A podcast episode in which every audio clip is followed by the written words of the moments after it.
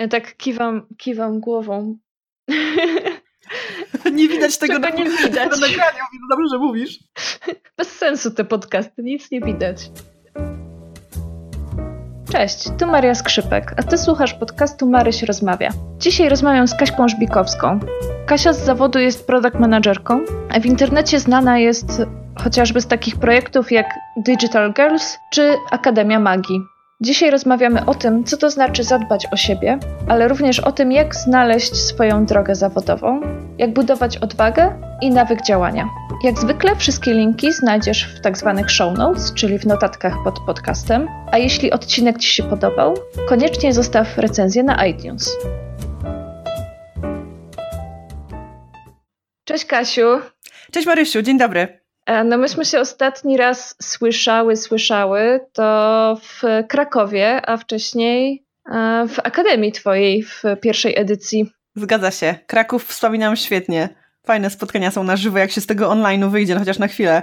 No zupełnie, zupełnie inaczej tak zobaczyć człowieka na żywo, zjeść z nim kolację i, i w ogóle, także e, polecam, jeżeli ktoś Kasię kojarzy, a widzi, że na przykład się zbliża jakieś spotkanie na żywo w jakimś mieście, które jest blisko, to polecam, bo, bo bardzo fajnie jest się spotkać tak na żywo.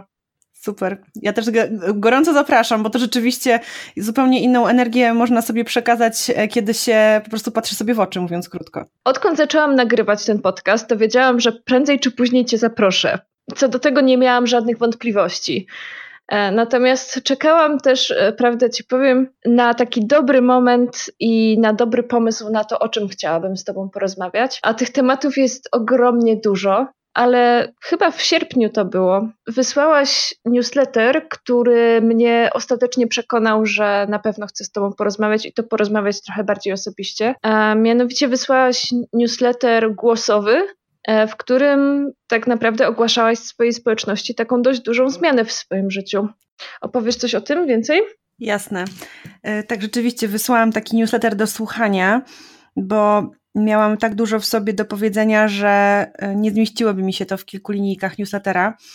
A działo się tyle, że zdecydowałam mm, zawiesić na kilka miesięcy e, moją taką działalność e, związaną z pracą na etacie, która w zasadzie mnie bardzo cieszy, rozwija i ją lubię. Mm, natomiast jeszcze bardziej lubię dobrze się czuć. I rzeczywiście był taki moment wtedy, kiedy poczułam, że mój organizm E, domaga się uwagi, domaga się takiego większej uważności i większej przestrzeni po prostu na swoje sprawy. Dlatego to była trudna taka dla mnie decyzja, żeby zrezygnować z jednej takiej mojej zawodowej odnogi na kilka miesięcy. E, a to z kolei spowodowało, że wiele osób skojarzyło, aha, no to super, no to skoro Kaśka już nie będzie teraz na etacie przez najbliższe miesiące, to na pewno wskoczy dwoma nogami w internet i tam po prostu wyciśniemy w ogóle cytrynę podwójnie. I to też jakby ten właśnie ten newsletter, który nagrałam do słuchania, był między innymi też o tym, że oczywiście będę w internecie dostępna i w ogóle nie zapadam się pod ziemię, po prostu coś się zmienia, jakiś element w moim życiu, ale nie jakaś rewolucja, że nagle znikam w ogóle z anteny, czy z, w ogóle wiesz, z powierzchni ziemi. Natomiast to też nie znaczy wcale, że teraz, tak jak mój mąż mówi, przechylam wajchę w drugą stronę i teraz będę 200% czasu i energii i mnie samej w internecie. Dlatego też chciałam powiedzieć, że tego typu decyzje, takie momenty w życiu są ważne, ale bardzo też ważne jest znalezienie siebie w tym, w tym nowym, powiedzmy, w nowej przestrzeni, w nowej, w nowej rzeczywistości i postawienie na nowy, w nowy sposób, w nowej przestrzeni granic. Bo bez tego znów wrócimy do punktu wyjścia, a tego najbardziej bym nie chciała. Poruszasz bardzo ważny temat, e, też dla kontekstu. Miesiąc październik i tutaj w podcaście i na grupie facebookowej Projekt Ikigai to jest miesiąc wypalenia zawodowego, ale co za tym idzie również rozmowy o odpoczynku i o dbaniu o siebie i o swoje zdrowie przede wszystkim. I o ile wiem, że Twoja decyzja nie wynikała może wprost z wypalenia zawodowego, bo ty w dalszym ciągu ogromną satysfakcję czerpałaś ze swojego etatu. Tak, myślę, że ta decyzja o tym, żeby, żeby zadbać o swoje zdrowie w sposób, w który no, nie, nie dbałaś do tej pory, nie? W, te, w takim wymiarze, jest bardzo ważna i bardzo mi się podoba to, co mówisz o tym, że to też nie oznacza, że teraz będę miała mnóstwo czasu na inne rzeczy, nie? Bo, bo podjęłaś tę decyzję jednak z pewnym zamysłem, nie? Żeby, żeby o siebie zadbać. Tak, dokładnie. Ale wiesz, jest taka pokusa, bo w zasadzie taki też mam takie usposobienie, mam takie, takie gdzieś mocne strony odkryte gdzieś w sobie, że jestem takim typem, wiesz, ciągle w ruchu. W sensie ruchu takim, że ciągle coś się dzieje w moim życiu. To nie chodzi właśnie o ruch, taki aktywność fizyczna właśnie. To jest to, czego mi najbardziej brakowało. Więc u mnie najbardziej rozwijany mięsień to jest głowa. Zawsze się z tego mm, tak trochę śmiałam, a, a teraz już przestałam się śmiać, bo czas trochę ruszyć innymi mięśniami. I rzeczywiście trochę jest tak, że e, mam ogromną pokusę, nie mając teraz tej takiego, wiesz, momentu, w którym idę właśnie 8-16, gdzieś jestem przy, przy, przy biurku, wiesz, w mojej pracy. Mam teraz taki komfort, że między 8 a 16 ja decyduję, co robię, w której godzinie e, coś się pojawia w moim kalendarzu, ale jest ogromna właśnie taka, wiesz, taka wręcz no, z mojego organizmu płynąca pokusa, która mówi: Kaśka, masz tyle czasu, to teraz w ogóle zrób to właśnie, co lubisz. A wiesz, ja jedno i drugie lubię, więc w ogóle wybrać między czymś, co lubisz, a czymś, co lubisz, jest ogromnie trudne i włożyć ten kalendarz najpierw siebie, a dopiero później swoje projekty, swoje po prostu jakieś rozwojowe przedsięwzięcia, dla mnie jest ogromnie wielkim wyzwaniem i uczę się tego każdego dnia. Powiedz mi w takim razie, też oczywiście nie musisz się wdawać w osobiste szczegóły, ale co się działo w Twojej głowie i co tak ostatecznie przeważyło tą szalę w kierunku tego, że postanowiłaś jednak o to zdrowie zadbać? To jest jedno pytanie, a drugie pytanie, E, co w takim razie robisz dla tego zdrowia teraz, a czego nie mogłaś robić wcześniej, będąc na etacie? Tak naprawdę chodziło przede wszystkim o to, że e, jak pewnie wielu ludzi, wiele z nas, które pracują najczęściej właśnie umysłowymi pracownikami, jesteśmy, siedzimy większość czasu w ciągu dnia właśnie w pozycji siedzącej jesteśmy, siedzimy przy komputerze, nachylamy się w taki, a nie inny sposób, mimo że generalnie znamy zasady i higieny pracy, to jednak najczęściej tego nie realizujemy, nie robimy sobie przerw co godzina, nie robimy spacerów wokół biurka, innych jakichś takich rzeczy, które wydają nam się trochę czasem śmieszne. I mówię to za siebie, y, a także za osoby, które też w tym okresie gdzieś właśnie zbliżyłam się do nich i o takich tematach rozmawialiśmy. Więc u mnie było tak, że mój kręgosłup po prostu zaczął się domagać większej uwagi. Przechodziłam różne jakieś takie, przez ostatnie lata, jakieś takie momenty, w których odzywał się bardziej i na przykład łapały mnie jakieś duże skurcze w, właśnie w tych, w tych odcinkach kręgosłupa, w których najczęściej odzywają się, e, kiedy, kiedy po prostu za długo siedzimy, za, za mało się ruszamy. I e, gdzieś po prostu postanowiłam właśnie gdzieś w sierpniu, że jeśli będę robiła ciągle to samo, co do tej pory i oczekiwała innych efektów, to nie zajdę nigdzie w nowe miejsce i znowu trafię w, to samo, w ten sam punkt, w którym jestem w tej chwili, czyli jakiś ból kręgosłupa, mówiąc bardzo ogólnie, nie wchodząc tam w szczegóły. I to wszystko spowodowało, że mówię, ok, no to jeżeli muszę zrobić coś teraz inaczej, żeby rzeczywiście zobaczyć inny efekt, no to, to, to coś inaczej musi być bardzo inaczej. I dlatego, wiesz, podjęłam decyzję, że mm, no po prostu muszę odciąć pewne, pewne role, które pełne, pełnię, zaparkować jakieś projekty, które mm, planowałam rozwijać w najbliższych miesiącach po to, żeby właśnie zamiast tych projektów to w kalendarz włożyć siebie. I to teraz drugie twoje pytanie, co robię? No przede wszystkim jakby moja głowa odpoczywa, bo jednak często właśnie ci umysłowi pracownicy, taka praca intelektualna, kreatywna, twórcza, a właśnie na etacie jestem project managerką, po godzinach e, prowadzę tak naprawdę swój online'owy biznes. Zawsze jestem w pracy, bo moja głowa jest zawsze w pracy, więc ten kręgosłup, oczywiście, on wiesz, trzeba też go ruszać, spacerować, ćwiczyć i tak dalej. Wszystko jest jak najbardziej ok. Natomiast to nie jest tylko kwestia tej fizycznej, takiej, wiesz, pozycji ciała, bo w momencie, kiedy moja głowa jest cały czas tym ruchu, cały czas jest e, jakiś, wiesz, proces myślowy, ciągle raz kminiam, układam, planuję, tworzę, to dopiero później siadam do tego komputera, wiesz, coś, że tak powiem, ożywiam swój pomysł, swój projekt, to to są wszystko etapy, natomiast kluczowe jest to, że w tej chwili nie mam e, tej jednej, nie pełnię tej jednej roli, którą pełniłam na co dzień i dzięki temu zyskałam większą taką, taki komfort, taki spokój w, w sobie. Nie mam tylu rozlatanych myśli w różne strony, plus yy, taka najbardziej prosta, prozaiczna sprawa, po prostu więcej się ruszam. I na, na to rzeczywiście nie miałam wcześniej czasu w kalendarzu, kiedy pracowałam 8 godzin yy, w po prostu, wiesz, przy biurku, w korporacji. Teraz sobie sama zarządzam moim kalendarzem i mogę sobie dosłownie włożyć w kalendarz, bo to tak u mnie wygląda. Jak nie włożę czegoś w kalendarz, to to najczęściej się nie wydarza. Więc wkładam sobie w kalendarz takie bloki czasowe, które są związane z moją aktywnością, z jakimś na przykład pilatesem, ze spacerem. Teraz jest jesień, ubóstwiam ten po prostu moment w roku i wiesz, zupełnie innym powietrzem oddycham. Więc to są rzeczy, na które naprawdę nie miałabym czasu pracując na etacie. A powiedz mi, bo wspomniałaś o tym, że z natury jesteś takim działaczem, nie? Takim e, aktywatorem, jak to, jak to nazywa Galup. Taką osobą, która po prostu bierze i wdraża rzeczy w życie. I wyobrażam sobie, że no szczególnie jeżeli się jest taką osobą, która jest właśnie ciągle w ruchu, ciągle coś realizuje, że ciężko sobie też zadbać o to, żeby przez chwilę czegoś nie robić, nie? że to jest wyzwanie. Dokładnie. Opisałaś właśnie mnie. Największy mój taki, e, powiedziałabym, wyzwanie ze samą, samą sobą. to jest właśnie też Galup o tym mówi, że to są takie nasze naturalne sposoby myślenia i działania, w moim przypadku właśnie aktywator, e, natomiast one mają swoją ciemną i jasną stronę mocy. Jeśli są niedojrzałe, no to ciągną nas za sobą i e, jesteśmy niewolnikami tych naszych automatycznych sposobów działania, a jeśli oswoimy je, w jakiś sposób zaczniemy je rozumieć, obserwować siebie właśnie realizującą te konkretne działania, te sposoby takie, wiesz, powiedzmy ekspresji, czy, czy w ogóle ożywiania swoich pomysłów, no to siłą rzeczy dostrzegamy pewne mechanizmy, no i jeśli mamy w sobie taką motywację, żeby coś z tym zrobić, żeby to służyło dla nas, a nie my dla tego, no to ja, ja taką miałam, dlatego teraz rzeczywiście mój aktywator trochę jest y, ujarzmiony zaprzyjaźniliśmy się i mówiąc tak bardzo kolokwialnie, nie zajeżdża mnie już. Czyli to nie jest tak, że wzięłaś y, wielomiesięczny urlop i od razu wskoczyłaś w milion projektów. nie, nie, nie, właśnie w drugą stronę. Wiesz, też nie będę, nie będę ukrywała i nie będę tutaj absolutnie nikogo oszukiwała, na pewno siebie nie będę oszukiwała, że nie robię nic i wiesz, leżę, teraz odpoczywam, w ogóle stan zen, po prostu hibernacja i tak dalej, że mój kręgosłup w ogóle teraz żyje i tak dalej. Nie, naprawdę nie. Jakby ktoś mnie zamknął zamknął w siłowni czy na jakimś fitnessie na trzy godziny, to bym chyba zastrzeliła tego kogoś. To naprawdę nie jest moje, moje środowisko naturalne.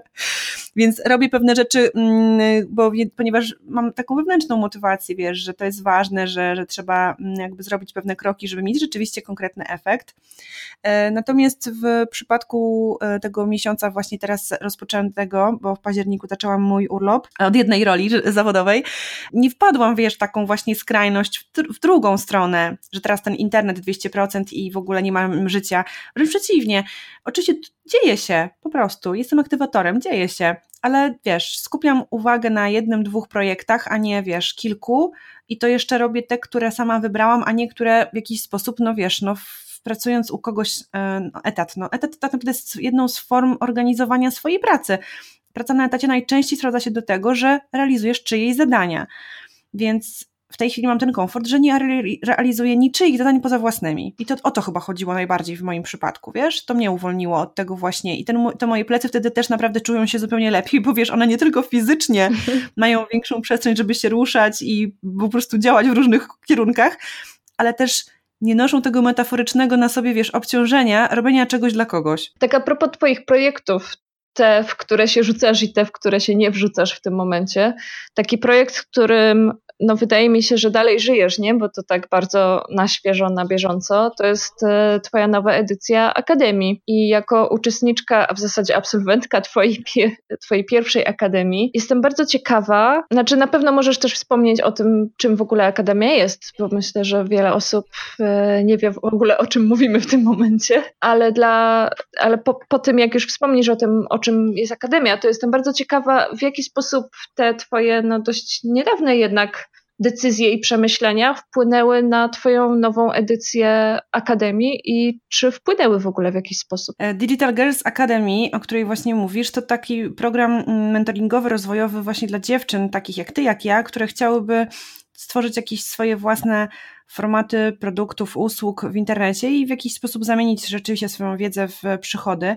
Więc rzeczywiście mm, to jest taki mój flagowy projekt e, pisany całkowicie sercem i mm, nie wyobrażam sobie sytuacji, w której e, nie zrealizowałabym go. I, tak naprawdę już dawno, długo wcześniej wiedziałam o tym, zanim podjęłam decyzję o tych zmianach zawodowych, że ta edycja się odbędzie i zaczęłam już kompletować zespół studentek tej edycji, zanim ta decyzja do mnie przyszła i ją właśnie wyartykułowałam e, w, fizycznie, więc w tym, w tym momencie mm, niczym się tak naprawdę ta edycja nie różni od poprzedniej, e, jeśli chodzi o formułę pracy i o to, że spotykam się przede wszystkim w internecie, mm, na spotkaniach takich wirtualnych z zespołem. E, jest nas niecała trzydziestka, więc jest dosyć kameralny zespół i tak zawsze jest, że, że ktoś może nie dołączyć, a, a generalnie praca, praca w re. I moja rola w tym programie sprowadza się do tego, że stwarzam tę przestrzeń, stwarzam takie możliwości do właśnie wymiany doświadczeń, do rozmów, do, do pracy własnej, ale też właśnie zespołowej. I mm, moja, moja rola tak naprawdę, jakby to ktoś spojrzał w kalendarz, to rzeczywiście dwa razy w miesiącu prowadzę warsztaty dwugodzinne w internecie, e, no ale przez cały pozostały czas pomiędzy warsztatami jestem też obecna w naszej takiej tajnej grupie, no i tworzę materiały dla kolejnych e, po prostu tygodni, dla kolejnych miesięcy w Akademii, bo trwa 6 miesięcy tej edycji. I rzeczywiście, wiesz, to jest tak, że to jest praca. Nie mogę powiedzieć, że jest to coś, co robię przy okazji, to się robi samo, albo w ogóle, wiesz, leżę, a to się, nie wiem, sam się, same materiały się nagrywają albo obrabiają i w ogóle jeszcze grafiki się robią same. Nie mam czarodziejskiej różdżki. E, bardzo, bardzo jej szukam, ale jeszcze nie znalazłam. Więc e, jest to po prostu pełnowymiarowa praca.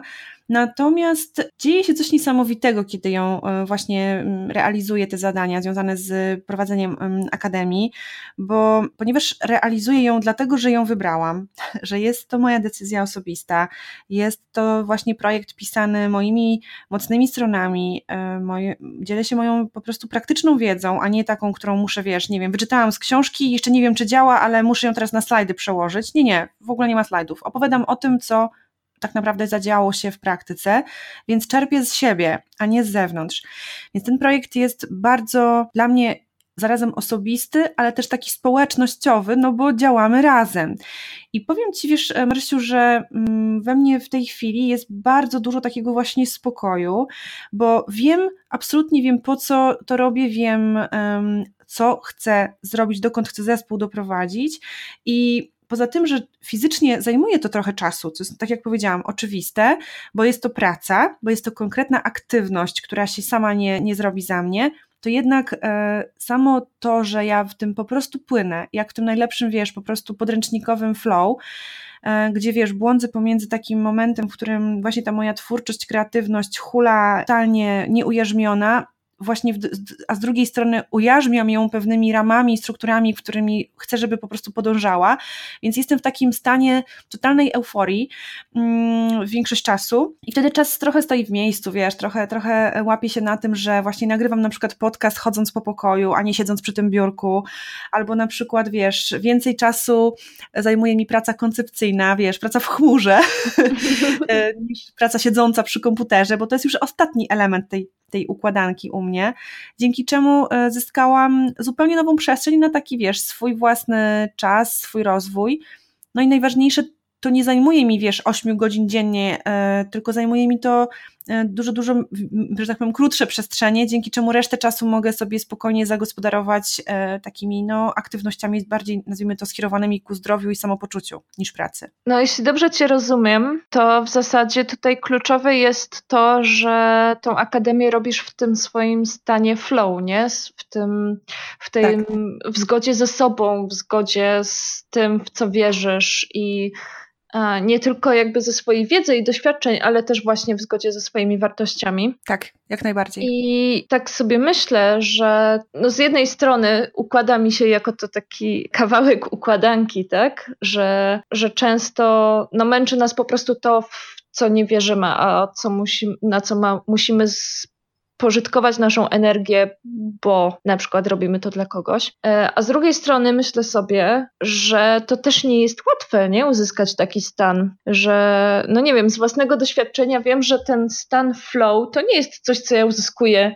na co dzień na przykład, nie? Że codziennie od dziewiątej do, nie wiem, tam osiemnastej mam stan flow i on tak sobie po prostu znikąd powstaje. Jestem ciekawa, czy masz taki pomysł na to, skąd ten flow się u ciebie dzieje? Wiesz co, bardzo fajny temat poruszyłaś Maryście, dzięki za to pytanie, bo też chciałabym taki mit obalić, bo to, że robimy coś z pasją, z naprawdę taką pasją idącą właśnie z tych wartości, o których wspomniałaś, nie tylko, że tam o lubię, nie wiem, malować e, obrazki, to sobie po prostu będę malować obrazki, to jest mój flow, tylko właśnie idę jeszcze głębiej, wchodzę, wchodzę w te fundamenty swoje i, i na nich buduję. Rzeczywiście wtedy łatwiej jest e, mówić w ogóle o takim stanie, w którym e, no, rzeczywiście, wiesz, czas staje w miejscu, zapominasz o jedzeniu czasami, bo po prostu płyniesz. Natomiast jest to, znowu tutaj ta ogromna taka, taki mit w ogóle narasta wokół tego, że jak będzie się pracować z pasją, to w ogóle nie przepracujesz ani jednego dnia, w ogóle będziesz cały czas latać w ogóle w jakiejś ekstazie, no po prostu twoje życie będzie, wiesz, po prostu jakimś jednym wielkim, nie wiem, po prostu orgazmem chyba cało, całożyciowym. No ja uważam, że, nie uważam, ja po prostu mówię, no nie, to jest ściema. Przy pewnych założeniach, jak to zawsze, drobnym druczkiem, e, pewnie u wielu osób tak może wyglądać życie takie codzienne, że są w jakimś takim, takim haju właśnie spowodowanym robieniem dobra, wiesz, szerzenia światu, sobie, bliskim i tak dalej, w ogóle jadąc totalnie po bandzie w takim pozytywnym sensie, tylko mówiąc krótko, no znam bardzo dużo ludzi, zwłaszcza dzięki temu, że działam od kilku już dobrych lat w internecie. Poznałam mnóstwo pasjonatów, pasjonatek najczęściej, bo z kobietami pracuję od kilku lat najbliżej. No kurczę, no przyznam, no, no, no, no niestety, najczęściej to jest wciąż praca. Takich osób, których na takim haju jadą i są w tym flow takim, wiesz, takim naprawdę takim już wymarzonym, to po prostu może dwie osoby spotkałam, które rzeczywiście tak, tak połączyły ten to flow i spotkały na swojej drodze osoby, które potrafiły pomóc im w jakiś sposób zorganizować ich, ten, ten taki właśnie wewnętrzny ten silnik, żeby pracował i wiesz, monetyzował to wszystko jeszcze i wracała ta jeszcze finansowa energia, która pozwala ci naprawdę nie myśleć w ogóle, że to jest biznes, to jest praca, tylko po prostu robię w ogóle dobrze światu i to wraca do mnie w milionach monet. Takich osób to może dwie spotkałam, a naprawdę spotkałam w ciągu ostatnich lat nie dwie, ani dwadzieścia dwie, tylko myślę, że co najmniej z tysiąc dwie. I kurczę, te historie nie kończą się tak happy endem, więc właśnie najczęściej tą pasją po prostu, no, powtórzę to słowo, zajeżdżamy się czasami rozmnaża, rozmnażamy tę, tą, tą energię, dzielimy, chcemy się tak bardzo, wiesz, mm, jakby dać światu tak dużo tego z siebie dobrego i zapominamy brać z powrotem czegoś i, i wpadamy w taką po prostu ślepą uliczkę. Więc ja sama w takiej uliczce byłam, też tego uczę dziewczyny w akademii, w tej i w poprzedniej, tak jak byłyśmy razem.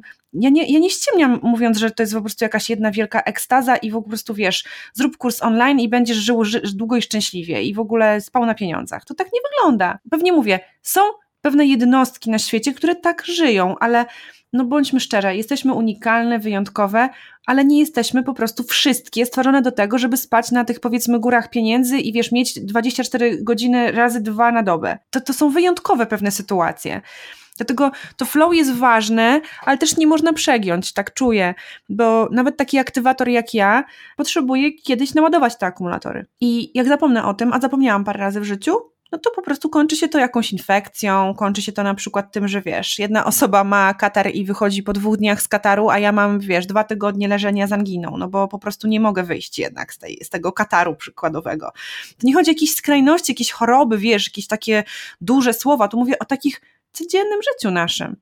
Po prostu jeśli nie, nie ma w nim chociażby momentów równowagi, bo też nie wierzę w taką równowagę całożyciową na zawsze, ale jeśli nie mamy takich momentów równowagi nawet w tym naszym codziennym życiu, w tej pracy, nawet fajnej pracy, to po prostu skończymy słabo, bo nam się baterie skończą i nie będziemy miały zapasowych. No tak sobie myślę, że to są bardzo ważne rzeczy, to, to co poruszasz, nie? Że często tak bardzo chcemy to, co mówisz, nie? Że tak bardzo chcemy dać z siebie jak najwięcej światu, że chcemy świat, nie wiem, ulepszyć, upiększyć i też wątpię, żeby ktoś chciał być w stanie flow 24 na 7, bo tutaj mówimy w zasadzie wtedy o stanie manii, który jest psychologicznie bardzo niezdrowy, i, i pozamykaliby nas e, w psychiatrykach wszystkich. No tak. Natomiast pytam o to dlatego, że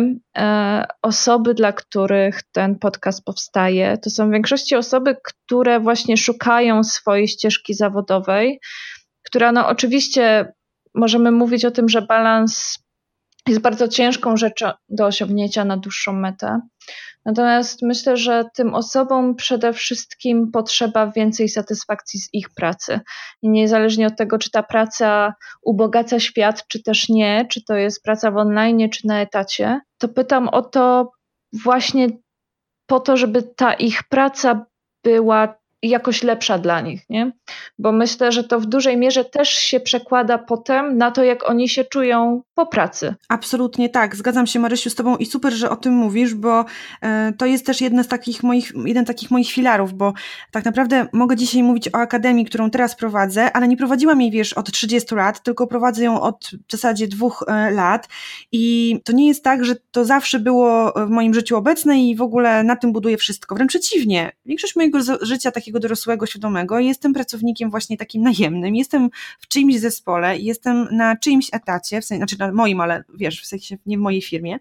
I tak naprawdę znajdywanie każdego dnia jakiegoś nawet małego sensu w tym, co robię, to nie musi być od razu zmiana tego świata całego. Wystarczy, że zmieniam 3 centymetry tego świata, wokół mnie nawet, i to już nadaje znaczenie po prostu mojej pracy, więc bardzo się z Tobą zgadzam. I tutaj mega wielki apel, żeby rzeczywiście znajdywać takie miejsca, przestrzenie w naszej w tym miejscu, gdzie jesteśmy, bo każdy pracuje gdzie indziej. Jeden jest na etacie, inny jest freelancerem, jeszcze ktoś tam w ogóle pracuje w jakimś projekcie, w fundacji, w wolontariacie, działa, czy gdziekolwiek. To jest zupełnie nie, nieistotne, gdzie teraz jesteśmy. Najważniejsze jest, żeby spojrzeć na to miejsce, gdzie jestem, tą powiedzmy w pracy, którą wykonuję, jakieś usługi, które świadczę i po prostu znaleźć w nich chociaż mały jakiś fragment, który, któremu my nadamy znaczenie, który będzie nas tak właśnie tak, e, takim trochę silnikiem, taką trochę baterią, która, która będzie nas ładowała, kiedy przyjdzie jakiś cięższy moment, a na pewno przyjdzie, bo nie ma takiej pracy z nawet naj, najbardziej genialnym klientem, e, czy, czy, czy w firmie najbardziej super ekstra z okładek gazet, w której nie byłoby słabszych momentów. Więc na tamte momenty jest potrzebne to właśnie sięgnięcie w siebie i tak czuję to po prostu, bo to robię od lat i dlatego nie jestem w żaden sposób sfrustrowanym jakimś człowiekiem z etatu. Wręcz przeciwnie, nie wszystkie moje projekty, wiesz, oszołomiły świat i w ogóle zakończyły się spektakularnym sukcesem. Projekty, mówię, nawet takie właśnie wykonywane w ramach korporacyjnych przedsięwzięć. Natomiast do momentu, kiedy znajdowałam w nich, i wciąż to robię oczywiście, taki właśnie, wiesz, element tego sensu, jak ja to mówię, że to jest po coś, że widzę, że komuś pomogłam, bo dla mnie akurat pomaganie jest ważne w życiu, dla każdego z nas co innego jest, dla mnie jest to ważne. I ja staram się odnaleźć ten element pomagania w każdym projekcie, który robię. Komercyjnym, wiesz, wolontariackim, każdym, to jest nieważne. Jak idę do pracy na etat i jestem tam 8 godzin i mam na przykład zorganizować konkurs dla studentów, yy, którzy mają yy, innowacyjne pomysły, z których moja organizacja może skorzystać, yy, dzieląc się z nimi później właśnie różnymi powiedzmy profitami ze wdrożenia takiego projektu. Robiłam takie projekty to dla jednego ktoś spojrzy z boku i stwierdzi, no co, no Żbikowska robi konkurs dla, dla studentów, no wstrząsające, no naprawdę zmienia świat. A dla mnie to było ważne i wiem, że ważne było dla co najmniej kilkunastu czy kilkudziesięciu osób, które w tym konkursie w jakiejś roli wzięło udział. I w momencie, kiedy to sobie uświadomiłam, zupełnie z inną motywacją, wiesz, i z taką inną, takim nastawieniem po prostu, szłam mówiąc krótko do pracy. I to chyba o to chodzi. A nie tylko o to, żeby, wiesz, budować sobie biznes oparty o pasję i tak dalej, bo to nie dla każdego ścieżka znowu. A jak już ktoś jest tam, gdzie jest, zawsze znaleźć można coś, tylko trzeba wiedzieć, co jest dla mnie ważne, tak? I tego szukać. To, nada, to nadaje nam znaczenie wtedy naszemu życiu, naszej, naszej pracy, którą wykonujemy. Mm. Z tej Twojej wypowiedzi tak sobie wyciągam dwie takie rzeczy, które myślę, że są bardzo, bardzo ważne. Jedno to jest właśnie to, żeby, że to wszystko bierze się z takich małych kroków, nie? Że jakiś taki kroczek po kroczku, małymi, małymi działaniami zmieniamy jakieś swoje poletko, nie? A drugie to to, że, że w zasadzie to my nadajemy znaczenie temu, co robimy.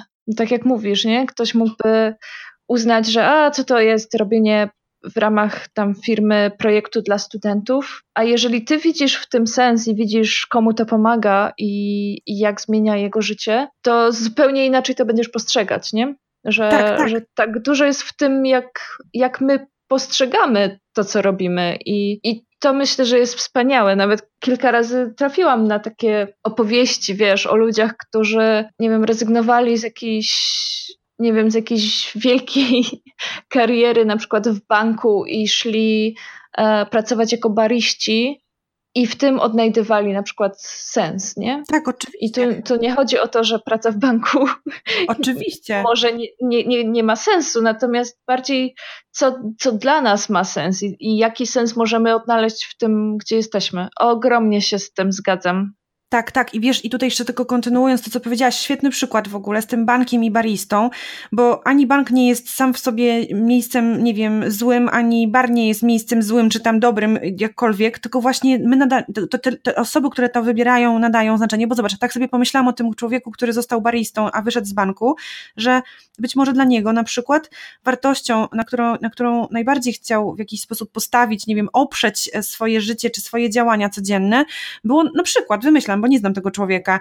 Na przykład dawanie radości innym osobom, albo sprawianie, że ich życie ma sens, smak czy cokolwiek. I nie, na przykład nie widział tego w swojej aktualnej pracy w banku, ale jako ktoś, kto podaje pyszną, wiesz, pachnącą kawę w jakiejś e, fajnej um, przestrzeni, takiej fizycznej, tam to odnalazł. Na przykład dla mnie ważne jest, wiesz, pomaganie innym ludziom, więc ja odnajduję jak tylko mogę w tych różnych przestrzeniach, które, które wypełniam sobą, wiesz, te właśnie rzeczy, w których jest ten sens pomagania. I wiem, że to nie jest dla wszystkich ważne. To nie jest nic złego, oczywiście. To po prostu ja mam taką wartość bardzo wysoko na liście wartości, wiesz, w mojej hierarchii. I, i ja tego szukam. I jak to znajduję, dostrzegam, że to nie jest jakieś takie sztuczne sewmania, wiesz, on teraz komuś pomagam, tylko naprawdę czuję, że komuś pomagam, e, że coś zmieniam, że, że dokonuję jakiejś transformacji i to jest, i to jest ważne dla mnie, że dokonałam tego ja, to jak to znajdę w projekcie, który prowadzę, czy w projekcie, który wspieram, czy nieważne jaka jest moja rola w tym projekcie, po prostu dostrzegę to, to zupełnie mi samej lepiej jest po prostu, wiesz, y, łatwiej y, podejmować kolejne wyzwania w ramach tego przedsięwzięcia. Jeśli dla kogoś jest ważne dawanie ludziom radości, to niech na przykład sprawdzi siebie w ogóle, wiesz, nie wiem, jako komik kurcze estradowy albo coś jeszcze i to też jest super, bo ta praca ma znaczenie, bo nieraz potrzebujemy pomocy, a innym razem potrzebujemy rozrywki i dlatego tak dużo jest, wiesz, miejsc do realizowania siebie. I wiem, że to tak trochę brzmi jak taki, wiesz, kurczę, jakiś teraz jakaś motywacyjna przemowa ze sceny, z TEDxa, ale czuję, że to naprawdę ja w to wierzę, co teraz powiedziałam i wie, widziałam to wiele razy, dlatego to powtarzam tak głośno. Jak znajdziemy ten taki silnik nasz, zrozumiemy, że coś takiego nas kręci, to nas napędza do, do życia w ogóle i daje jakąś siłę po prostu, walczenia też z przeciwnościami, które na pewno będą wszędzie, nawet w ogóle w Eldorado, to po prostu zupełnie, zupełnie inaczej funkcjonujemy po prostu zawsze będą te porażki, zawsze będą jakieś fakapy, ale zupełnie jak wiesz, obronną ręką z nich wyjdziemy, a przynajmniej nie będziemy tak poturbowani. Mm. Piękne rzeczy tutaj poruszamy, ale to, to w ogóle każdy wywiad, do którego siadam w ramach tego podcastu, to mam wrażenie, że dotykam z moimi gościniami coraz to głębszych i wspanialszych tematów. Ha, cieszę się. Staram się teraz zrobić trochę przejście Wyjdzie pewnie koślawo, ale też, no, jesteśmy ludźmi. Ten odcinek podcastowy w zasadzie przypadnie tak trochę pomiędzy. Jeszcze nie wiem, czy przypadnie bardziej w październiku, czy bardziej w listopadzie. I w listopadzie z kolei pojawia się i w podcaście, i w grupie facebookowej kolejny temat, czyli temat odwagi i działania ze strachem albo pomimo strachu. I myślę sobie, że może nawet nie, nie, nie jest to jakieś przejście bardzo płynne, ale myślę, że bardzo się łączy też z tym, o czym tutaj rozmawiamy, bo jednak, bo jednak jest wymagana pewna odwaga do tego, żeby powiedzieć chociażby, że tak, zmienię moją rolę w pracy, tak, zmienię moją pracę. Ale równocześnie też jest ogromna odwaga w tym, że powiem nie, zostanę tutaj na tym etapie i odnajdę znaczenie w tym, co robię tutaj na tym etacie. I zastanawiam się, skąd ty osobiście czerpiesz odwagę do podejmowania takich niełatwych jednak decyzji?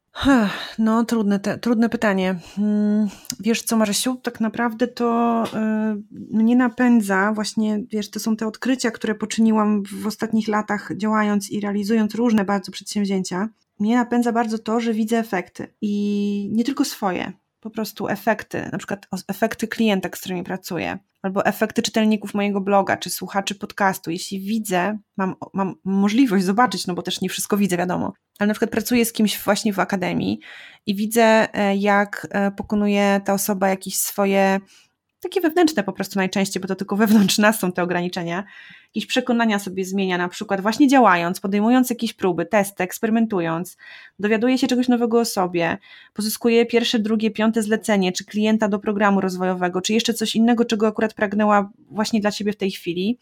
I ja to widzę, to mnie to po prostu daje nie tylko mi samej siłę, mm, ale da, daje mi to też bardzo dużą taką właśnie no, pewność siebie, że to, co robię, tą wartość, którą się wymieniłam z tymi osobami, że, że ta wymiana jest, wiesz, jest, jest równa, jest wartościowa, równa to może nie jest dobre słowo, bo to ciężko zmierzyć, ale że jest po prostu wymiana, wiesz, że jest win-win. I czerpię z tego ogromną pewność siebie, pewność do tego, że nawet jeśli kolejny mój pomysł nie wypali, albo moja zmiana teraz, nie wiem, powiedzmy zawodowego, powiedzmy klimatu na kilka miesięcy finalnie za 6 miesięcy stwierdzę, kurczę, tęsknię za etatem, wracam, to ja nie będę miała problemu, żeby powiedzieć, wiesz, na głos, e, zmieniłam zdanie, wracam, albo zmieniłam zdanie, nie wracam. Jeżeli poczuję to wtedy w tamtym momencie, to po prostu to zrobię. Jeśli, jeśli wiesz, zdecyduję, że nie wiem, już nie idę w kierunku kolejnego sezonu podcastu, to po prostu bardzo podziękuję wszystkim dotychczasowym słuchaczom i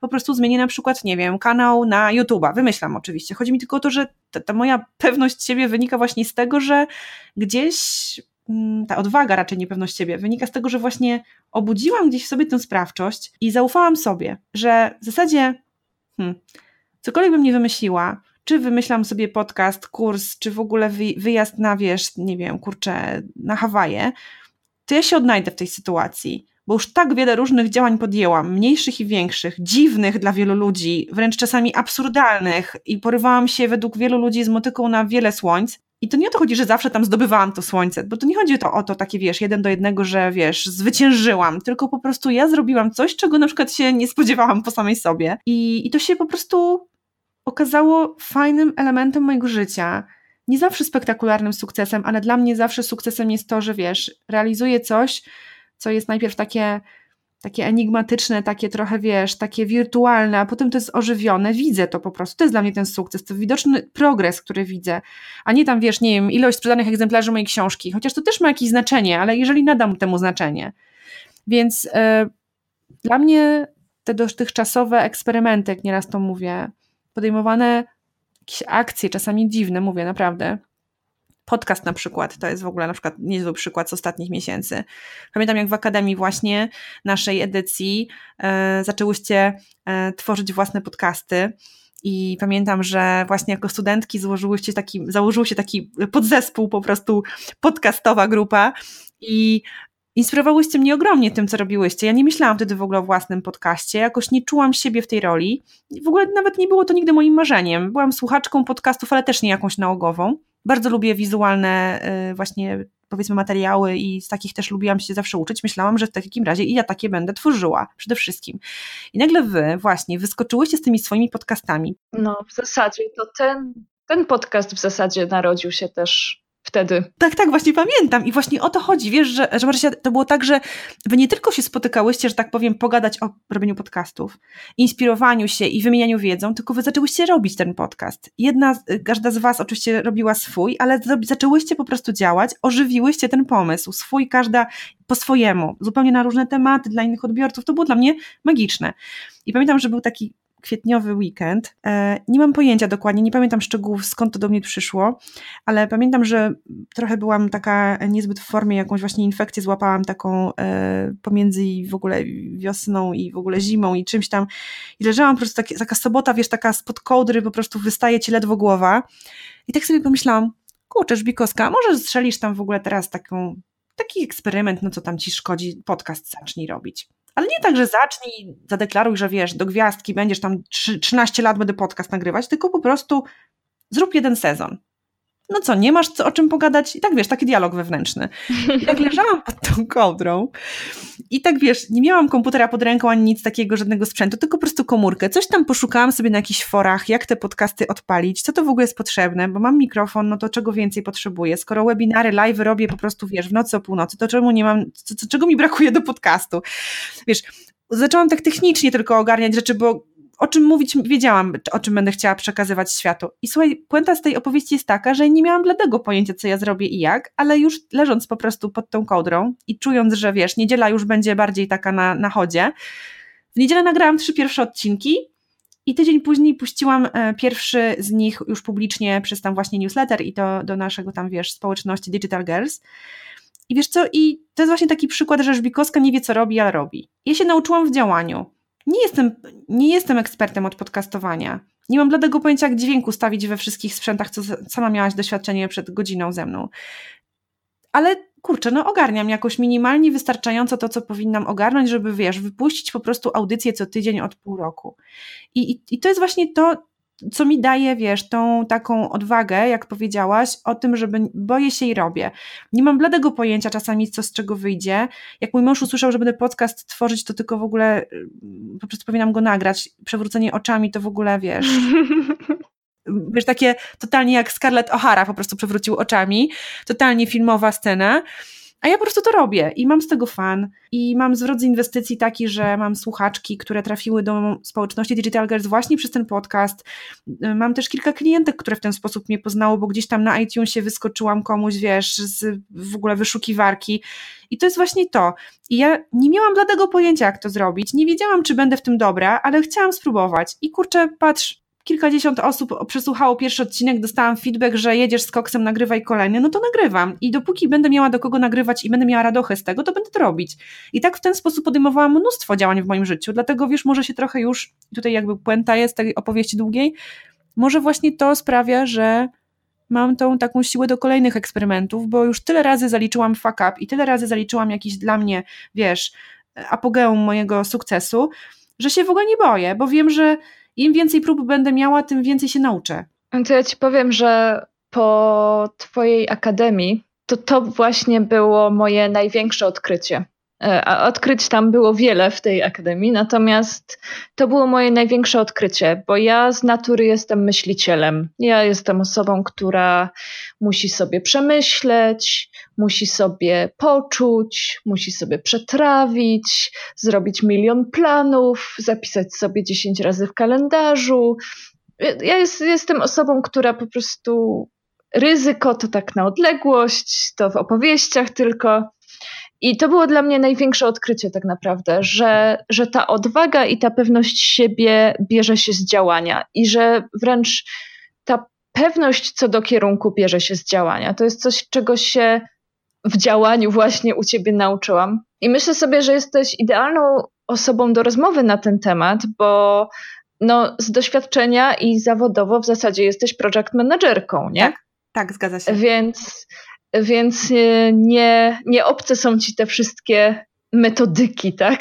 I tak, tak. sposoby podejścia do, e, do rozwiązywania różnych problemów, jak chociażby e, minimalny wartościowy produkt albo właśnie um, eksperymenty. I zastanawiam się, gdyby teraz przed tobą stanęła taka osoba, może, możemy ją nazwać, możemy ją nazwać roboczo Marysia z przeszłości. taka myślicielka właśnie, albo myśliciel, taka osoba, która właśnie, że każda decyzja w zasadzie jest wielkim osiągnięciem życiowym, bo musi przeanalizować z każdej strony, zanim w ogóle zrobi jakąkolwiek akcję, to co byś takiej osobie poleciła, żeby ta osoba nauczyła się działać? Bo, bo ciężko mi sobie wyobrazić, że my tutaj wytłumaczymy komuś, że tak, tak, działanie to jest wspaniałe i w działaniu dopiero poczujesz e, swoją sprawczość, nie? Mhm. Ale zastanawiam się, gdybyś miała dać takie zadanie domowe dla tej osoby albo jakąś taką małą poradę do wdrożenia, to co byś powiedziała? No to na pewno powiedziałabym, żeby zastanowiła się nad jedną chociaż rzeczą. Wiem, że zastanowienie się takiej osobie powiedzieć, to w ogóle jest już praca na całe trzy lata. To jest samobójstwo. Tak, to samobójstwo. Dobra, wrac, wracam w takim razie, żeby po prostu e, otworzyła swój notes i wybrała jakąś jedną rzecz po prostu, która tam, nie wiem, była wyboldowana albo po prostu jakoś pierwsza wpadła w oko. nie najlepsza wcale, tylko nie chodzi o najlepsze żadne rzeczy, tylko po prostu jakąś tam wystarczająco sensowną i żeby po prostu zrobiła ją e, w życzliwym, e, bardzo kameralnym gronie osób, jeśli oczywiście to dotyczy wychodzenia w jakiś sposób w publiczny świat, powiedzmy. My akurat w Akademii pracowałyśmy nad tym, że na przykład opublikowanie swojego odcinka podcastu, prawda, zrobienie live'a albo stworzenie e-booka, to jest w jakiś sposób wyjście przed ludzi, pokazanie siebie, więc to są oczywiście pewnie przykłady najbliższe mi. Więc e, w momencie, kiedy, kiedy po prostu ktoś sobie miał na przykład takiego e-booka tam gdzieś napisanego na liście zadań, czy, czy marzeń, czy w ogóle wizji jakiejś przyszłości, ale to był tak wielki projekt, wiesz, e, w przekonaniu, w sensie, że nie, ogar nie do ogarnięcia w ogóle. Tak. Będę tym myśleć 13 lat i w ogóle może wymyślę, jaki będzie miał tytuł albo tam okładki, kształt, to ja po prostu bym zaproponowała, żeby właśnie w tej naszej grupie takiej albo innej, w której się czuję komfortowo, nawet jeśli to miało być dwie osoby, które znam skądś tam, po prostu zrobić taki eksperyment właśnie i um, jak myślę o e-booku, to napisać po prostu, wiesz, spis treści zrobić, a jak myślę o nagraniu po prostu, nie wiem, materiału wideo, ale nigdy nie stałam przed kamerą, to po prostu włączyć tą kamerę w tej chwili nawet z komórki, bo sorry, no nie ma, nie ma już tutaj wymówek. Wszyscy mamy tyle wokół siebie technologii najprostszej, którą potrafimy użyć, tylko nie robimy tego. Więc poprosiłabym po prostu, zachęciłabym, żeby włączyć tę kamerkę, nagrać po prostu jakąś wypowiedź o czymś, co jest ci bliskie i nie musisz się do tego, wiesz, doktoryzować, żeby o tym mówić i, i w ten sposób pokonać po prostu pierwszy jakiś taki lęk zrobienia w ogóle czegokolwiek. I rzeczywiście widziałam to naprawdę dziesiątki razy, że że kiedy takie coś się dzieje, kiedy włączamy powiedzmy tą kamerę i zaczynamy coś mówić, to jest koślawe, to jest krzywe i w ogóle nie podoba nam się i w ogóle patrzymy nie w kamerę, w ogóle paraliżujemy się na samą myśl o tym, że czerwona lampka miga albo cośkolwiek tam jeszcze, każdy ma, wiesz, swój świat w głowie. Mój perfekcjonista się z bólu zwija teraz na samą myśl o tym. Ja, wiesz co, kurczę, tak naprawdę, Marysiu, nie jesteś jedyną osobą, która się zwija w tej chwili z bólu. Ja sama, y, Kasia z przeszłości też się zwija bo ja też taki mam zapędy w kierunku zróbmy to zarąbiście, po prostu świetnie, od razu.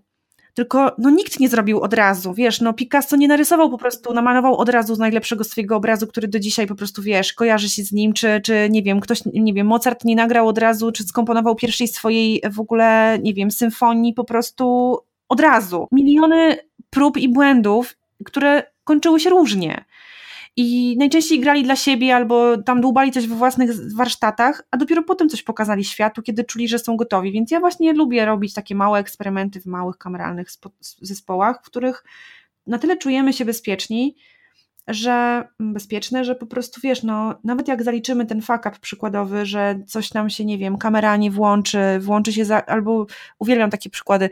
Pamiętam w akademii chyba to było też i w warsztatach wakacyjnych Zadaniem pierwszym było nagrać właśnie krótkiego, jednominutowego live'a o tam, kim jesteś, przedstawić się po prostu w ogóle całemu zespołowi. I pamiętam, jedna dziewczyna, chyba w Akademii było też, nagrała pierwszy raz w życiu swojego live'a z komórki i tak wiesz, położyła tę komórkę tak na boku.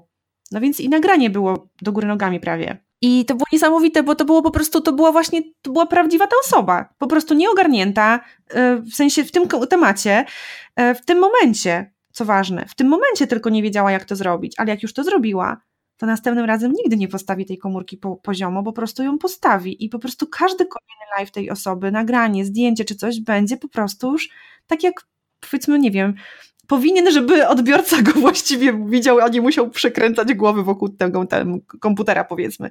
Więc wiesz, ta dziewczyna nie popełnia żadnego błędu, absolutnie. Po prostu zrobiła coś, co myślała, że zrobi. Może myślała, że zrobi od razu lepiej albo inaczej, wyszło jak wyszło, ale dzięki temu drugi live, może już w publicznej przestrzeni, będzie, wiesz, z właściwie postawioną kamerą. Będzie na pewno 100 razy lepszy w tym sensie jakościowym od pierwszego. I po to są te eksperymenty, więc proponuję nie zwijać się w tej chwili, tylko wybrać coś jednego na ten moment dobrego, nie jedynego słusznego, na ten moment dobrego, jakiegoś w miarę sensownego i zrobić to. Mały mikrokrok. Potem się odwrócić, popatrzeć, ile się już zrobiło tych kroków i powiedzieć sobie, jestem po prostu trzy kroki do przodu. Wow, gdybym nie zrobiła pierwszego, to bym później drugiego nie zrobiła i tego trzeciego i w ogóle bym nie ruszyła z miejsca do tej chwili. A w sumie to przecież chcemy ruszyć z miejsca. Ja tak budzę odwagę. Magiczna formuła Żbikowskiej. I skutecznie. Ja myślę, że warto tutaj podkreślić czerwoną, czerwoną kreską i w ogóle wężykiem, wężykiem, że to właśnie chodzi o to, żeby ten krok był malutki, szczególnie tutaj mówię do osób, które są takie jak ja, czyli właśnie wszystko musi być przemyślane na 20 stronę i ja już mam wizję dziesięcioletnią tego, co będę robić. Mam to. Żeby ten krok był żałośnie mały. Także ja patrzę na ten krok. Tak, bo, bo to jest praktyka dla osób, które nie działają, które nie mają nawyku działania, nie? Tak. No, jak, nie wiem, idziemy pierwszy raz na siłownię, to nie zaczynamy od 100 kilo, tylko bierzemy te takie maleńkie, śmieszne, różowe hantelki jednokilowe i ciśniemy. Tak. Ja nie? zaczynam od kupienia, e, wiesz, leginsów, co nie? Których często nie włożę w końcu. to też jest mały krok.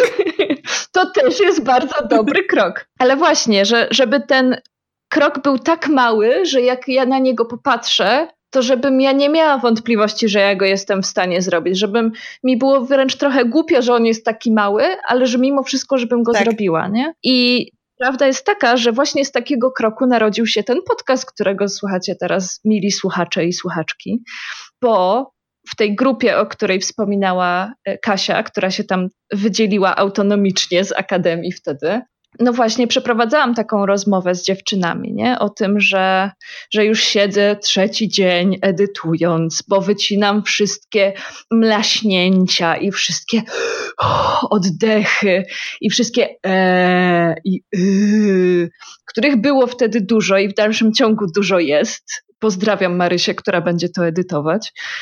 Ale właśnie, gdybym gdybym w którymś momencie nie zobowiązała się tym, tym dziewczynom, które mi no, kibicowały mimo wszystko e, i nie powiedziała, dobra, słuchajcie, ja to wypuszczę na tyle dobrze, na ile jestem w stanie to zrobić, ale jednak w rozsądnym czasie, wypuszczę to za dwa dni, a nie za miesiąc, to ten podcast w zasadzie by się nie pojawił.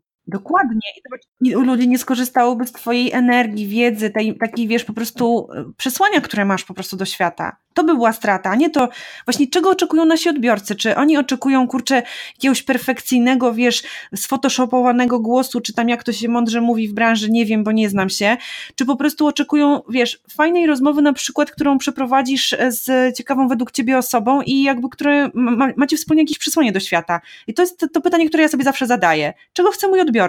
Czy chce mnie takiej właśnie, wiesz, totalnie na 200% jakiejś po prostu wymuskanej i jakiejś takiej totalnie oszlifowanej, czy oczekuję tego, w czym naprawdę jestem dobra, czyli wiesz, po prostu w tym mięsku, które ja mam jako, jako, wiesz, unikalnym dla świata, tak? Tak. I zgadzam się absolutnie z tym, że często, że autentyczność za każdym razem przewyższa. Możemy mówić wiele o jakości, różnych rzeczy i oczywiście jakość do pewnego stopnia ma znaczenie, bo jeżeli jakość jest koszmarna, no to no nie da się też przekazu usłyszeć, nie? Jeżeli, jeżeli słychać tylko szum, ale że ta autentyczność za każdym razem wygrywa. I ja wręcz teraz, kiedy no po roku już e, przerwy wróciłam do nagrywania podcastu i obrabiania podcastu i posłuchałam tych pierwszych odcinków, to widziałam dużą różnicę nawet między pierwszym a drugim odcinkiem.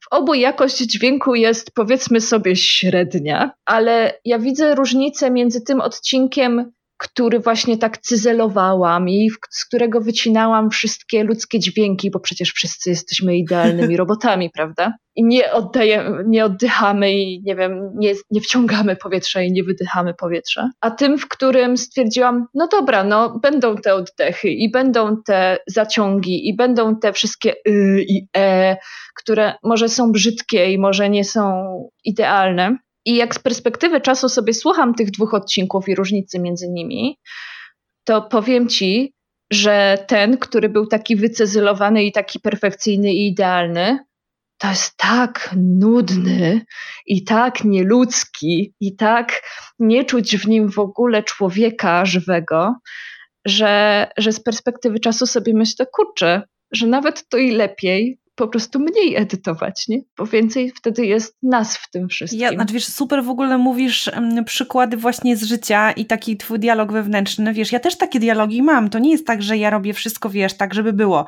E, większość rzeczy, które podejmuję e, się do zrobienia, one muszą w jakiś sposób być w moim zasięgu, żebym, one, nie, one nigdy mnie nie przerastają, wiesz, 14 razy, że ja w ogóle nie jestem w stanie sobie wyobrazić siebie robiącej to To, to, to nie chodzi o takiej skrajności, wiesz, bo gdyby nagranie podcastu kosztowało mnie po prostu, nie wiem, trzy lata nauki i w ogóle praktyki gdzieś u mistrzów zen, no to bym pewnie nie podjęła tego wyzwania. Natomiast jak zorientowałam się, że wystarczy mikrofon, e, wiesz, program do nagrania dźwięku i ewentualnej jego prostej obróbki i później włączenie tego podcastu, tego nagrania pliku po prostu audio gdzieś, gdzie dzięki temu włożeniu tam będę mogła dostarczyć to, ten plik do czy, słuchaczy, no to stwierdziłam, to jest trzy tematy na mojej liście, wiesz, w projekcie podcast i ogarnę to, bo każdy z nich kiedyś robiłam, tylko nie robiąc podcast, robiąc inne rzeczy. Więc skorzystałam z moich zasobów, połączyłam je po prostu po raz pierwszy w takiej formule i to poszło. Natomiast zgadzam się z Tobą, że to musi gdzieś tam mieć jakąś minimalną, sensowną jakość, wystarczającą dla odbiorcy, żeby on mógł tego słuchać, żeby słyszał nas i tak dalej. To jest oczywiste. Ale jest jeszcze jedna tutaj, wiesz, bardzo ważna rzecz, którą powiedziałaś, że i ja do tego się muszę odnieść, bo to jest po prostu mój konik, że wiesz, komu, komu, komu tak naprawdę ma służyć Twój podcast, czy mój, czy nasze działania, jakiekolwiek podejmujemy? Kto jest po drugiej stronie? Dla kogo to robimy? Bo jak robisz to na przykład dla siebie i dlatego, żeby to było właśnie, wiesz, bez żadnego oddechu i wymuskane po prostu w ogóle z Photoshopa audio, to, y, to oczywiście siedź nad tym trzy dni, tygodnie i oddaj to do studia nagraniowego i może ktoś zadowoli Cię jakością, którą dostarczy.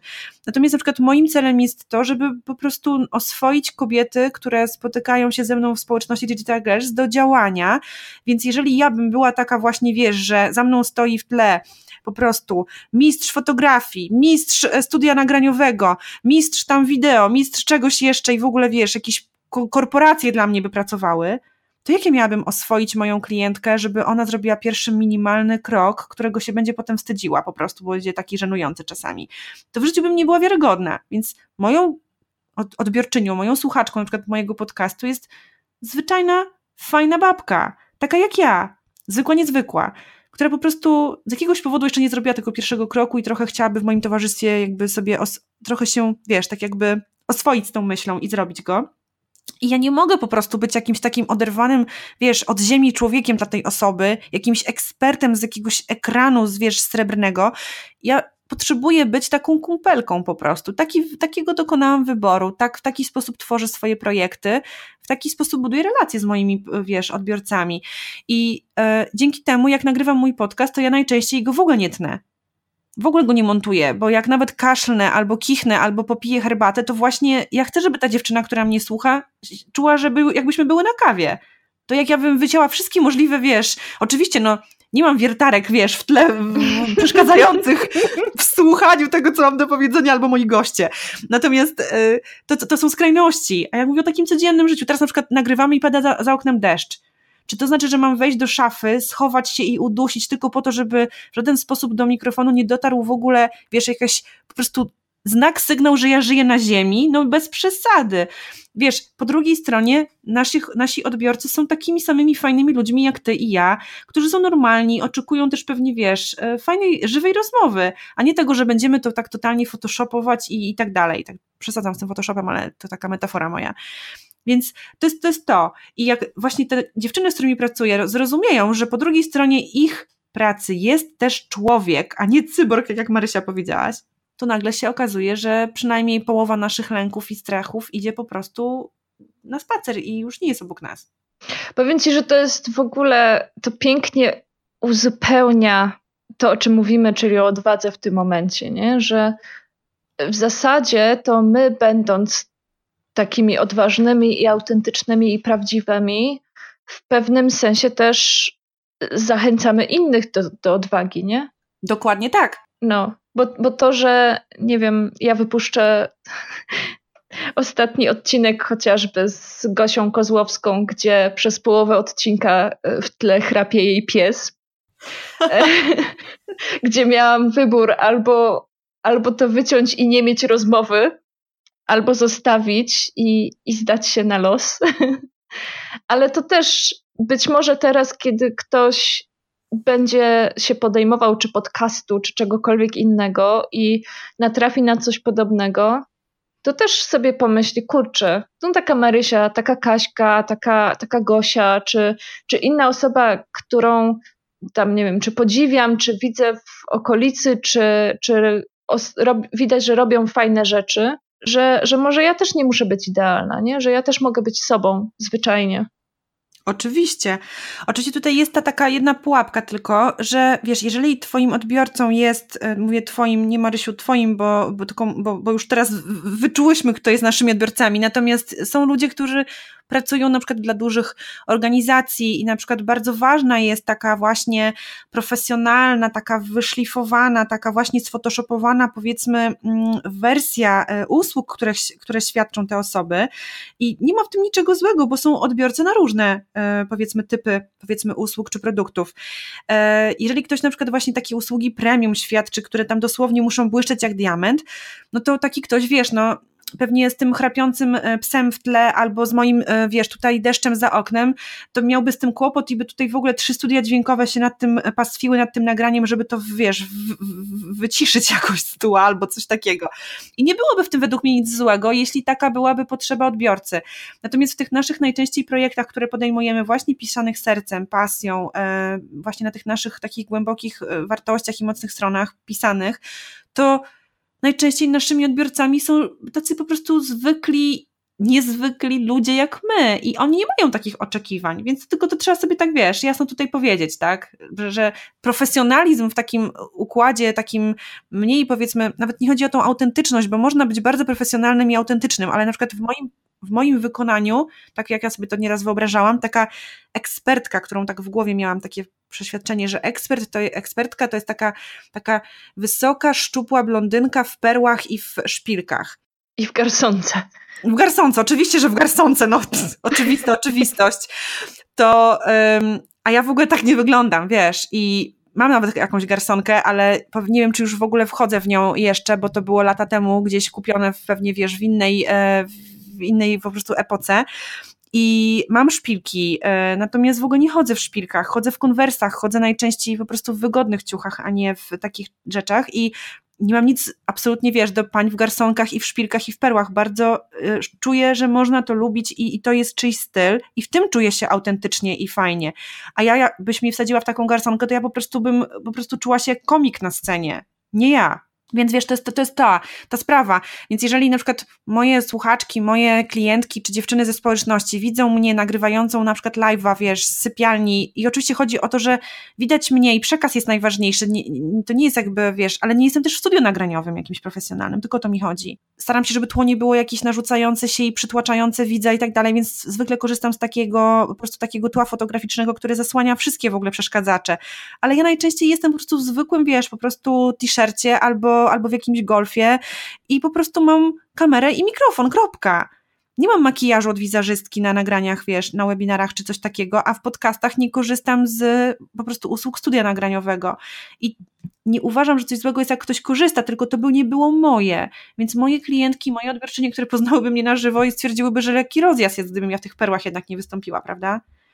Więc wiesz, musimy dobrać tą formę też do tego, kim my jesteśmy i kim są nasi odbiorcy. I jak to zagra, to myślę, że tutaj wszystko nam wybaczą. Ja też myślę, że, że oczywiście są osoby, które się czują naturalnie w garsonce i to jest tak. w ogóle to, w czym się czują najlepiej, czują się potężne i czują się wspaniałe. E, ale też myślę, że no, bardzo ważny jest ten przekaz o, o tym, czego oczekują nasi odbiorcy, e, czyli osoby, do których kierujemy nasz przekaz i, i czego i, i co jest nasze ale też myślę sobie, że, że też często tej profesjonalności i tej perfekcji oczekujemy od siebie też trochę za wcześnie. To znaczy, ja jeszcze nic nie zrobiłam, nie zrobiłam ani jednego kroku do przodu, ale, ale już wiem, że jeżeli będę coś robić, to to będzie perfekcyjne. Nie? I tak stawiam sobie takie kolejne, kolejne takie progi do przeskoczenia, zanim w ogóle zacznę coś robić. Nie? To, co mówisz, że no, tak podejrzewam, że gdybyś miała znaleźć i zatrudnić studio nagraniowe do tego, żeby nagrać ten podcast, to on by w ogóle nie powstał, nie? Tak, nie chciałoby mi się tego szukać pewnie. No i też myślę, że to by była trochę niewspółmierna inwestycja w,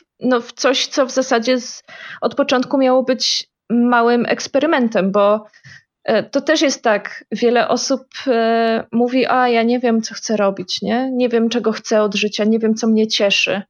No ale z drugiej strony, no jak masz się przekonać, jeżeli tego nie robisz, nie? I oczywiście ja mogę wynająć studio nagraniowe, żeby się przekonać, czy, e, czy lubię robić podcasty, ale mogę to też zrobić niskim kosztem u siebie w sypialni. Tak, no, no właśnie, to, to, kluczowe jest to, co powiedziałaś, Marysiu, to jest taka totalna puenta tego tematu, który poruszamy, że wiesz, jak, jak tą odwagę obudzić? Po prostu ograć to w taki sposób w swojej własnej głowie najpierw, że nie deklarujesz przed samym sobą, a dopiero później przed światem, przed samym sobą nie deklarujesz, że to będzie na zawsze, że w ogóle jak odpalam bloga, to po prostu będę blogerką życiową. Nie, po prostu może po prostu blog nie jest dla ciebie, ale nie dowiesz się tego, dopóki nie zrobisz trzech pierwszych wpisów. Tak samo nie dowiesz się, czy podcast jest dla ciebie, czy praca w korporacji jest dla ciebie, czy po prostu wyjazd na, wiesz, nie wiem, na jakieś wyspy greckie jest dla ciebie. Po prostu wyjdź najpierw z domu, sprawdź w ogóle jak na dworzu się czujesz, potem zobacz, czy się czujesz dobrze na lotnisku, a dopiero potem wyjedź sobie na jakieś, wyleć na jakieś wyspy, dajmy na to, w Europie czy dalej. Więc to są trochę takie małe rzeczy, które dają nam dużą wiedzę o nas. I być może w trakcie takiego eksperymentowania, w drugim, piątym kroku dowiesz się o sobie, że to nie jest w ogóle dla ciebie i w ogóle super, że się dowiesz w piątym kroku, a nie po 14 latach kolejnych rozkminek. Albo po trzech latach studiowania podca bycia podcasterem u mistrzów Zen. Na przykład. Powiedz mi, Kasiu, e, dla tych, którzy Cię nie znają, albo tych, którzy Cię znają, ale ogólnie dla tych, którzy chcą więcej od Ciebie usłyszeć, gdzie Cię można znaleźć? E, zapraszam na pewno wszystkie dziewczyny żądne właśnie eksperymentów i miejsca do eksperymentów, e, nie tylko, nie tylko w internecie, ale tutaj na tym się ostatnio skupiamy, do grupy Digital Girls, a znaleźć mnie można na digitalgirls.pl. Tam są linki do wszystkich miejsc, do podcastu, i do bloga, i do właśnie grupy na Facebooku, której rzeczywiście dzieją się czasami bardzo, bardzo takie eksperymentalne po prostu wejścia i, e, i premiery nasze. Z ostatniej chwili. Dokładnie, takie różne małe i duże, różne premiery się tam dzieją i pierwsze razy, więc e, bardzo, bardzo gorąco zapraszam w te, w te miejsca. Tam można mnie znaleźć praktycznie codziennie. Super. Dziękuję Ci, Kasiu, bardzo za naszą rozmowę. Myślę sobie, że to nie będzie nasza ostatnia rozmowa, nawet tutaj w podcaście. takie mam przeczucie, ale to jest takie przeczucie, które mam w zasadzie ze wszystkimi swoimi rozmówczyniami, więc, więc może ja po prostu lubię z wami rozmawiać. No to jest właśnie może też sposób właśnie ogrywania, wiesz, świata tutaj, wiesz, i twoich e, też realizowania mocnych stron i też pragnień i twoich wartości, po prostu dzielenia się z nimi ze światem w takiej formule, więc bardzo się cieszę. Marysiu, bardzo ci dziękuję za, za zaproszenie i oczywiście jak pojawi się kolejne, to przyjmuję już je teraz, deklaruję publicznie. O, in blanco. Tak.